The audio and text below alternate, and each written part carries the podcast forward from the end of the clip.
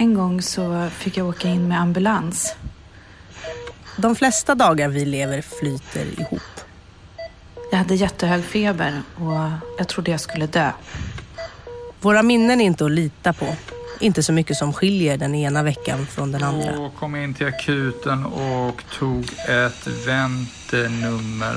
Jag vaknade Sen fick jag sitta och vänta och jag hade jätteont i magen. och vänta och vänta. Men vissa stunder är skarpare.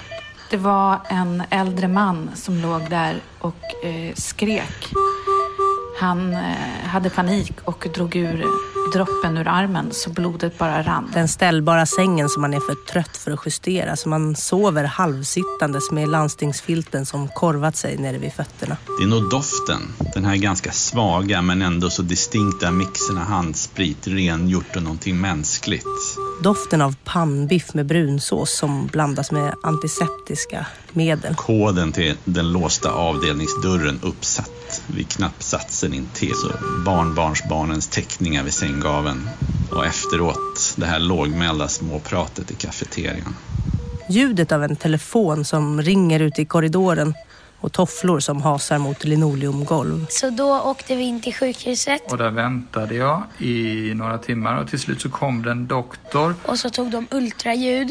och sa att proverna var tillräckligt bra för att jag skulle gå hem. Hoppet om att få åka hem snart. Så såg de att det var vattkoppor som började inuti magen. Eller hoppet om att få stanna en natt till eftersom man inte vet hur man ska kunna ta sig hem i det här skicket. Det var så. När jag var liten så skulle jag operera mig. Man skulle räkna baklänges från tio. Det är här vi drar det första andetaget. Och jag bara funderade, hur ska man göra det när man är sex år gammal? Eller det allra sista. Vänta nu. Tio, nio, åtta, sju. Och så var jag borta. DN Scoop. Jag heter Alexandra Urisman Otto. En eh, ny, modern sjukhusbyggnad. Karolinska kan ersättas av ett nytt storsjukhus. Det är en stor sak. Sänkta visioner för supersjukhuset. Det är en stor sak för Stockholm, Är detta världens dyraste sjukhus? Men också för Sverige.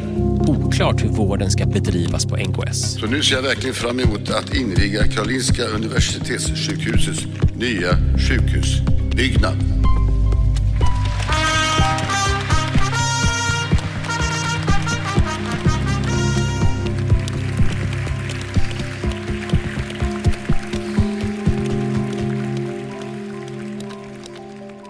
Du, det här kommer du att gilla. Vadå för något? Jo, jag har letat lite i DNs arkiv. Då ser jag framför mig Det här är Sandra Lööf. är dammigt och massa, massa tidningar. Min Men jag producent. antar att det är helt digitaliserat. Alltså, visst ringer det en klocka här? Ska se.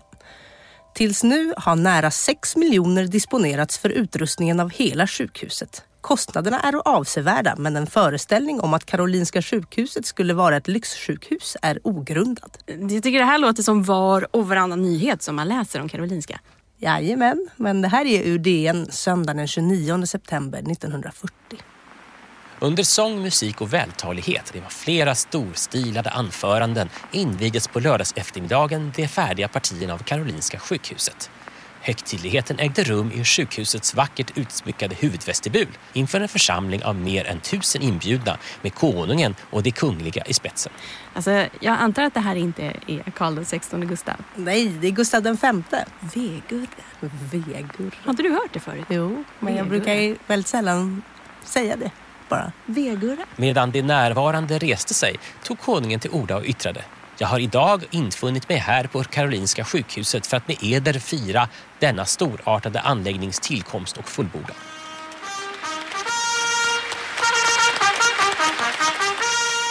Ja, men alltså den här återkopplingen mellan dåtid och nutid, den är faktiskt intressant. Om man ser till liksom historien för Stockholms stora sjukhusområde så kan man se att byggandet av det som nu är gamla Karolinska, KS, det bygget det föregicks av en massa diskussioner det också i flera år. Men eh, innan Karolinska sjukhuset byggdes, då fanns Karolinska institutet. Just det, det finns ju fortfarande. Fortfarande, ja. Och jag tycker att de listar en del bra fakta på sin hemsida. Då ska vi läsa på hemsida igen. Ja. Redan 1810 grundas Karolinska institutet av kung Karl den trettonde. Anledningen är att en tredjedel av de sårade från Sveriges krig mot Ryssland dör på fältlasaretten. Fältskärernas medicinska kunskaper är uppenbart inte tillräckliga. Sverige behöver utbilda kirurger och göra landet bättre rustat i händelse av ytterligare krig. Men var Karolinska institutet ett sjukhus? Institut för danande av skickliga fältläkare. Eh, nej, det var, eller det är för utbildning och forskning och såklart så fanns här också, eller finns, eh, Nobelförsamlingen. Just det, de som väljer ut Nobelpristagare då. 1895 utser Alfred Nobel i sitt testamente Karolinska institutet till utdelare av Nobelpriset i fysiologi eller medicin. Uppdraget har sedan dess gett institutet ett brett kontaktnät inom det medicinska forskarsamhället. Genom åren har fem forskare från Karolinska institutet tilldelats Nobelpriset i fysiologi eller medicin. De har gett det till sig själva. Alltså de har ju gett det till ganska många. Just det, men några har de gett. Ja. Ja. ja. Och det var ju också på Karolinska institutet som man opererade in den allra första pacemakern. 1958. Ja, men det har jag hört talas om. Min farfar är läkare och, och har jobbat där på, på KI och KS. Och han eh, har träffat den där patienten, han den första. De har visat upp honom i massor med sammanhang för att de var så stolta över honom. Aha. Så det, det är ändå rätt häftigt. Du har en sån här six degree of separation. Exakt, från... till den första pacemakern. Ja, inte illa va? Nej. Ja, okej. Så Karolinska institutet, det är där man utbildar sig till kirurg. Och till läkare. Och sen så tänkte jag så här, när vi ändå nu nördar loss, så visste jag inte det här. Att Sveriges första moderna sjukhus, det var Serafimerlasarettet som låg på Kungsholmen i Stockholm. Och det öppnades, höll jag på att säga, 1900. det var ju tidigt. Och det öppnades 1752 med åtta sängar och 15 patienter. Och det var också ett undervisningssjukhus. 1752, det är ju verkligen jättelänge sedan. Mm. Men vad sa du, ett undervisningssjukhus? Mm. Vad, vad är det? Är det samma sak som universitetssjukhus är nu? Ja. Universitetssjukhus är ett sjukhus som förutom sjukvård också bedriver medicinsk forskning och utbildning av olika yrkesgrupper inom sjukvård som läkare. Hälsar i Wikipedia. Okej, men vad- vilka har vi då? Då har vi akademiska, det låter ju som forskningsbaserat i Uppsala va? Sahlgrenska i Göteborg, hur är det i Malmö? Eh, ja, Malmö och Lund har slagit ihop till Skånes universitetssjukhus och så finns det ett i Umeå, Linköping och Örebro och sammanlagt då sju stycken i Sverige. Okej, eh, men då går vi tillbaka till Karolinska sjukhuset då. Och 1930 då riksdagen beslutade att de då skulle bygga ett nytt undervisningssjukhus i ett område som heter Norrbacka i Solna kommun. Just det, och det ligger precis på den norra gränsen till Stockholms stad. 1931 startade planeringen av sjukhuset i Solna. Man var inspirerad av det danska Rikshospitalet. Den första enheten, Radiumhemmet, började sin verksamhet 1937 och sjukhuset invigdes 1940. Mitt under kriget. Karolinska sjukhuset är emellertid inte fullbordat med vad som nu är byggt. En pediatrisk klinik fattas och förslag föreligger att uppföra en klinik för hud och könssjukdomar. På en önskelista vid sidan av det officiella programmet står åtskilligt annat, främst ett patientbibliotek, vilket redan har fått gåvor av prins Wilhelm och andra författare. Byggnaderna ska fyllas med ett andligt innehåll. Karolinska institutet vill göra sitt yttersta för att fylla sin höga uppgift. Man kan ju inte låta bli att se någon slags samma mönster då som nu, 80 år senare. Även om det nu är kritik eh, mot mer än bara bygget. Men det tog många år att få det klart, man satsade stort och det blev dyrt. Just. Man ska inte glömma att världsläget kom emellan där lite också. Det statsfinansiella läget samt knappheten och prishöjningar på vissa konsumtionsvaror har ställt sjukhusets förvaltning inför svåra problem. En annan hindersam faktor har varit bristen på sjukvårdspersonal och kompetent förvaltningspersonal framkallad av den skärpta försvarsberedskapen. Så för att summera historielektionen nu då. Att bygga sjukhus, det är decennielånga byggprojekt. Mm. Och detsamma gäller ju Huddinge sjukhus. Just det, som man ju måste nämna i sammanhanget Karolinska. Huddinge sjukhus byggdes åren 1968 till 1977 i Flemingsberg i södra Stockholm och var på sin tid Skandinaviens största byggprojekt och den största vårdbyggnaden som uppförts i Sverige. 1972 togs de första patienterna emot på Huddinge sjukhus som även det är ett universitetssjukhus. 2004 bildades Karolinska Universitetssjukhuset. Verksamheterna vid Huddinge universitetssjukhus och Karolinska sjukhuset slogs då samman till en gemensam organisation. The End. Men det är en väsentlig skillnad mellan byggandet av sjukhuset i Huddinge under 70-talet och vad man planerar i Stockholm 40 år senare. Innan Huddinge sjukhus byggs startar man i mitten av 60-talet Huddingeprojektet som ska planera för en förbättring av undervisning, forskning och sjukvård i en del av huvudstadsregionen som i en minnesbok om Huddinge sjukhus första 30 år ska kallas en akademiskt svältfödd del av Stockholm. Man utredde noga de vårdbehov som fanns och byggde sedan sjukhuset efter det. 40 år senare blåser det andra vindar. Det är ett nytt millennium. Politikerna vill ta nya, moderna grepp. Förändra hur man bygger, förändra hur man sköter de offentliga upphandlingarna. Förändra hur man organiserar vården.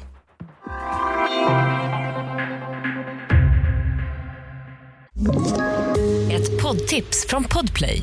I fallen jag aldrig glömmer djupdyker Hasse Aro i arbetet bakom några av Sveriges mest uppseendeväckande brottsutredningar går vi in med hemlig telefonavlyssning och, och då upplever vi att vi får en total förändring av hans beteende. Vad är det som händer nu? Vem är det som läcker?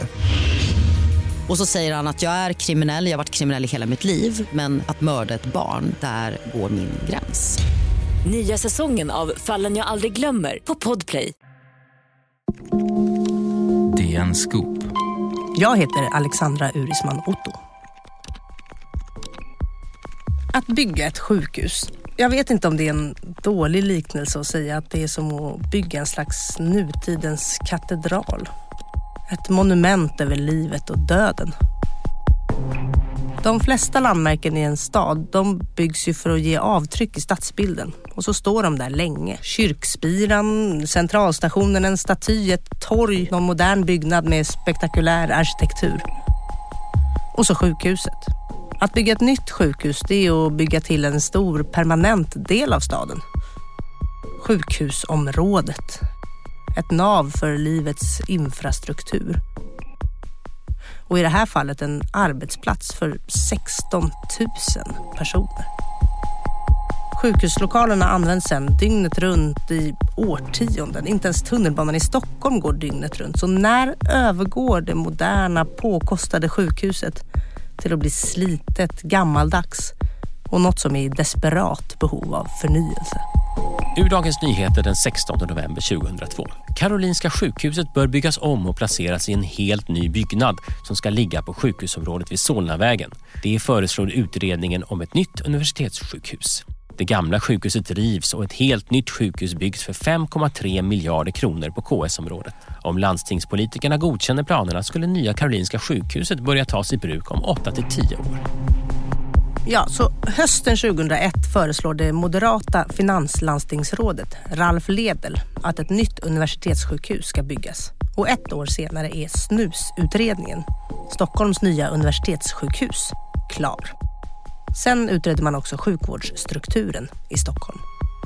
Ur Dagens Nyheter 28 september 2004. Karolinska kan ersättas av ett nytt storsjukhus. Utvecklad närsjukvård ska ta hand om fler patienter. Ett nytt storsjukhus för 11 miljarder kronor i Solna. Koncentration av all högspecialiserad vård och satsning på närsjukvård. Så ska den framtida sjukvården i Stockholms län vara uppbyggd. 2005 utlyser landstinget en tävling om det nya sjukhuset. White Arkitekter vinner med förslaget Forum Karolinska. I den här familjen så gillar vi verkligen när det är högt i tak. Det här är en reklamfilm från Moderaterna inför valet 2006. Nej, då ska jag gå och rösta. Ja. På Moderaterna. Som slutar med slogan Alla vet kanske inte att vi har förändrats. Partiledaren Fredrik Reinfeldt har tagit över Moderaterna efter deras katastrofval 2002. Och under hans ledning lanseras de nya Moderaterna. Inför valet 2006 väljer partiet att fokusera på frågorna det ska löna sig att arbeta, där jobbskattavdraget blir en stor valframgång, samt nolltolerans mot brott och satsningar på välfärden, främst skola, vård och omsorg. Efter modell från Tony Blair byggde Reinfeldt upp de nya Moderaterna som gillar AMS och arbetsrätten som till och med skulle bli ett parti för arbetarna. SVTs Rapport gör ett porträtt av Fredrik Reinfeldt efter valvinsten 2006. Det är väldigt ofta LO-grupper som på marginalen upplever att det lönar sig dåligt att arbeta eller att gå upp i arbetstid. Där har vi grupper som idag saknar störst möjlighet att påverka sitt eget liv och det är klart att de är intressanta för oss. I riksdagsvalet har Moderaterna gjort sitt bästa valresultat sedan 1928 och styr sedan landet tillsammans med Centern, Liberalerna och Kristdemokraterna i sitt samarbete Alliansen. Fredrik Reinfeldt blir statsminister. Hej, här står jag med Filippa Reinfeldt som är ordförande i eh, arbetsgruppen för kvalitet och sjukvård. Välkommen hit Filippa. Tackar. Den dåvarande statsministerfrun blir utfrågad i en film från Moderaternas framtidskonvent år 2008. Hur känns det?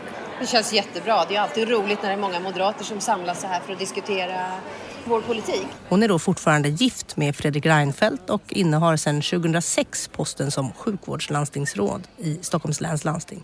En post hon sitter på till och med oktober 2014. Vad är det du upplever som viktigast i förändringsarbetet? Jag tror egentligen att det viktigaste inom eh, svensk hälso och sjukvård är att se till att fokusera väldigt mycket på hur öka kvaliteten inom sjukvården. Hur Alliansen har utsett den kristdemokratiska partiledaren Göran Hägglund till socialminister. Och ganska snart efter sitt maktövertagande inför regeringen en ny vårdmodell som ska öka möjligheterna för patienterna att själva kunna välja vilken klinik eller annan vårdgivare de vill vända sig till. Öka tillgängligheten. Känslan av också att människor ska veta att eh, det faktiskt finns en läkare eller sjuksköterska där när man behöver vården. I Stockholms läns landsting genomförs Vårdval Stockholm i juni 2007. Nu ska mångfalden och valfriheten öka inom den svenska vården. Privata vårdgivare får etablera vårdcentraler var de vill och ersättningen följer patienten. Vilket innebär att vårdgivarna konkurrerar om sina kunder. Men i december samma år skriver Filippa Reinfeldt en debattartikel i DN tillsammans med Moderaternas partisekreterare Per Schlingmann. DN Debatt december 2007. Filippa Reinfeldt har utsetts att utreda Moderaternas sjukvårdspolitik. Partiet har varit för upptaget av ägarfrågorna, det vill säga i vilken regi sjukvården ska drivas och har försummat kvalitetsaspekten. Därför tillsätter nu Moderaternas partistyrelse en arbetsgrupp för kvalitet och tillgänglighet inom sjukvården. I framtiden ska moderat sjukvårdspolitik i högre grad handla om kvalitet och patientvardag och i lägre grad om vem som ska sköta vad. Detta initiativ är en del i en bredare förnyelse av Moderaterna, skriver Stockholms sjukvårdslandstingsråd Filippa Reinfeldt och Moderaternas partisekreterare Per Schlingmann. Lite mer än ett år senare är den moderata rapporten om vårdens tillstånd klar. Ur en ledare i DN, februari 2009. Den som läser slutrapporten från Moderaternas vårdarbetsgrupp bör vara frisk och stark. Det krävs för att orka med 34 sidors eländesbeskrivning. Grundhållningen är, från fjärde raden till den sista, att landstingen inte klarar av sin viktigaste uppgift, nämligen att se till att vården fungerar. Mot den bakgrunden är det helt logiskt att gruppens ordförande Filippa Reinfeldt, sjukvårdslandstingsråd i Stockholm, i en sammanfattande beskrivning talar om ett citat mänskligt sjukvårdslotteri där den som har turen med sig får rätt behandling medan den den som drar nitlotten blir förpassad till sämre läkemedel. Slutcitat. Det är hårda ord och de kommer således från den person som har det yttersta ansvaret för Sveriges största sjukvårdsorganisation. Man måste oroligt fråga sig hur hon har det på jobbet. Ett gammalt sjukhus som är så slitet att det inte går att reparera. En åldrande befolkning med ett ökande vårdbehov. En vårdpersonalstyrka som är på väg att minska på grund av stora pensionsavgångar. Och ett politiskt styre i både landet och landstinget som vill hitta nya moderna sätt att jobba, tänka och blicka framåt inom vården. Nya Karolinska Solna är supersjukhuset som ska lösa problemen, ge nya Nobelpris och ha en forskning i världsklass. Målet är att skapa ett toppmodernt och världsledande sjukhus där varenda detalj utgår från patientens behov. Här som vi har tänkt att skapa en sjukvård i världsklass.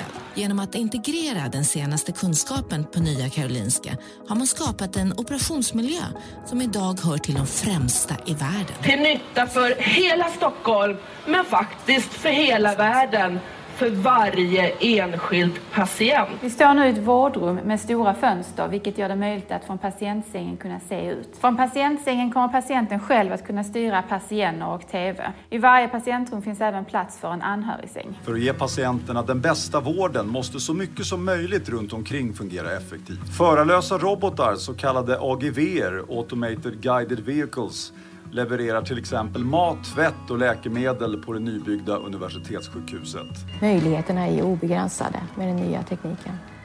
Det som jag alltid brukar säga, att det är fantasin som sätter gränserna. Utdrag ur boken Konsulterna, kampen om Karolinska av DN-journalisterna Anna Gustafsson och Lisa Röstlund. Det är en fredag i slutet av april 2007 när över 200 landstingspolitiker, tjänstemän, företrädare för industrin och representanter för yrkesorganisationer samlas i den anrika tegelbyggnaden Münchenbryggeriet på Söder i Stockholm. En gång landets största ölbryggeri. Men nu rymmer dess stora mässhall en konferens om den svenska vårdens framtid. I rampljuset står en omtalad professor i management och strategi från ett av världens mest prestigefyllda universitet, amerikanska Harvard Business School i Boston. Han är hitbjuden av branschorganisationen Läkemedelsindustriföreningen som huvudtalare. Hans namn är Michael Porter och han är här för att lansera en modell han uppfunnit som ska revolutionera vården. Ett koncept han kallar värdebaserad vård. Mycket av det han säger under konferensen kommer att bli sanning och få stora konsekvenser för svensk sjukvård i allmänhet och Karolinska universitetssjukhuset i synnerhet. Idag Första spadtaget för Nya Karolinska tas i september 2010. Ska vi ta det så kallade spa första spadtaget för att bygga ett nytt universitetssjukhus i Sverige. I landstingets film från eventet som ligger på nätet utlöser kronprinsessan Victoria en serie explosioner som sveper in området intill sjukhusparken i orange rök. Barn, är ni klara?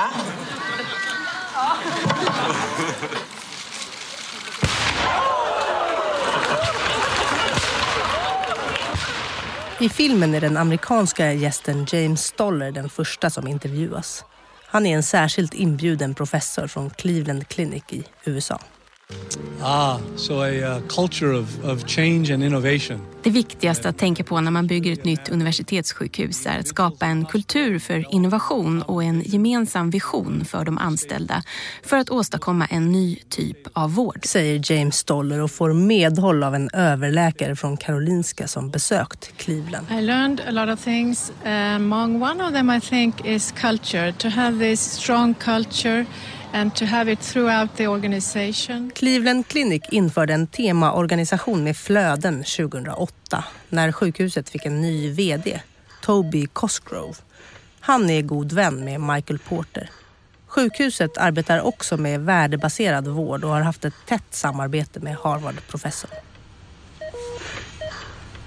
I filmen syns flera av de politiker som har varit ansvariga för NKS. Det moderata finanslandstingsrådet Katarina Elmsäter-Svärd hör en föreläsning om startskottet för framtidens nya universitetssjukvård. Filippa Reinfeldt minglar med kronprinsessan. Lennart Persson, förvaltningsdirektör för NKS-projektet, utbringar en skål. Och landstingsrådet Stig Nyman, KD, har förhoppningar.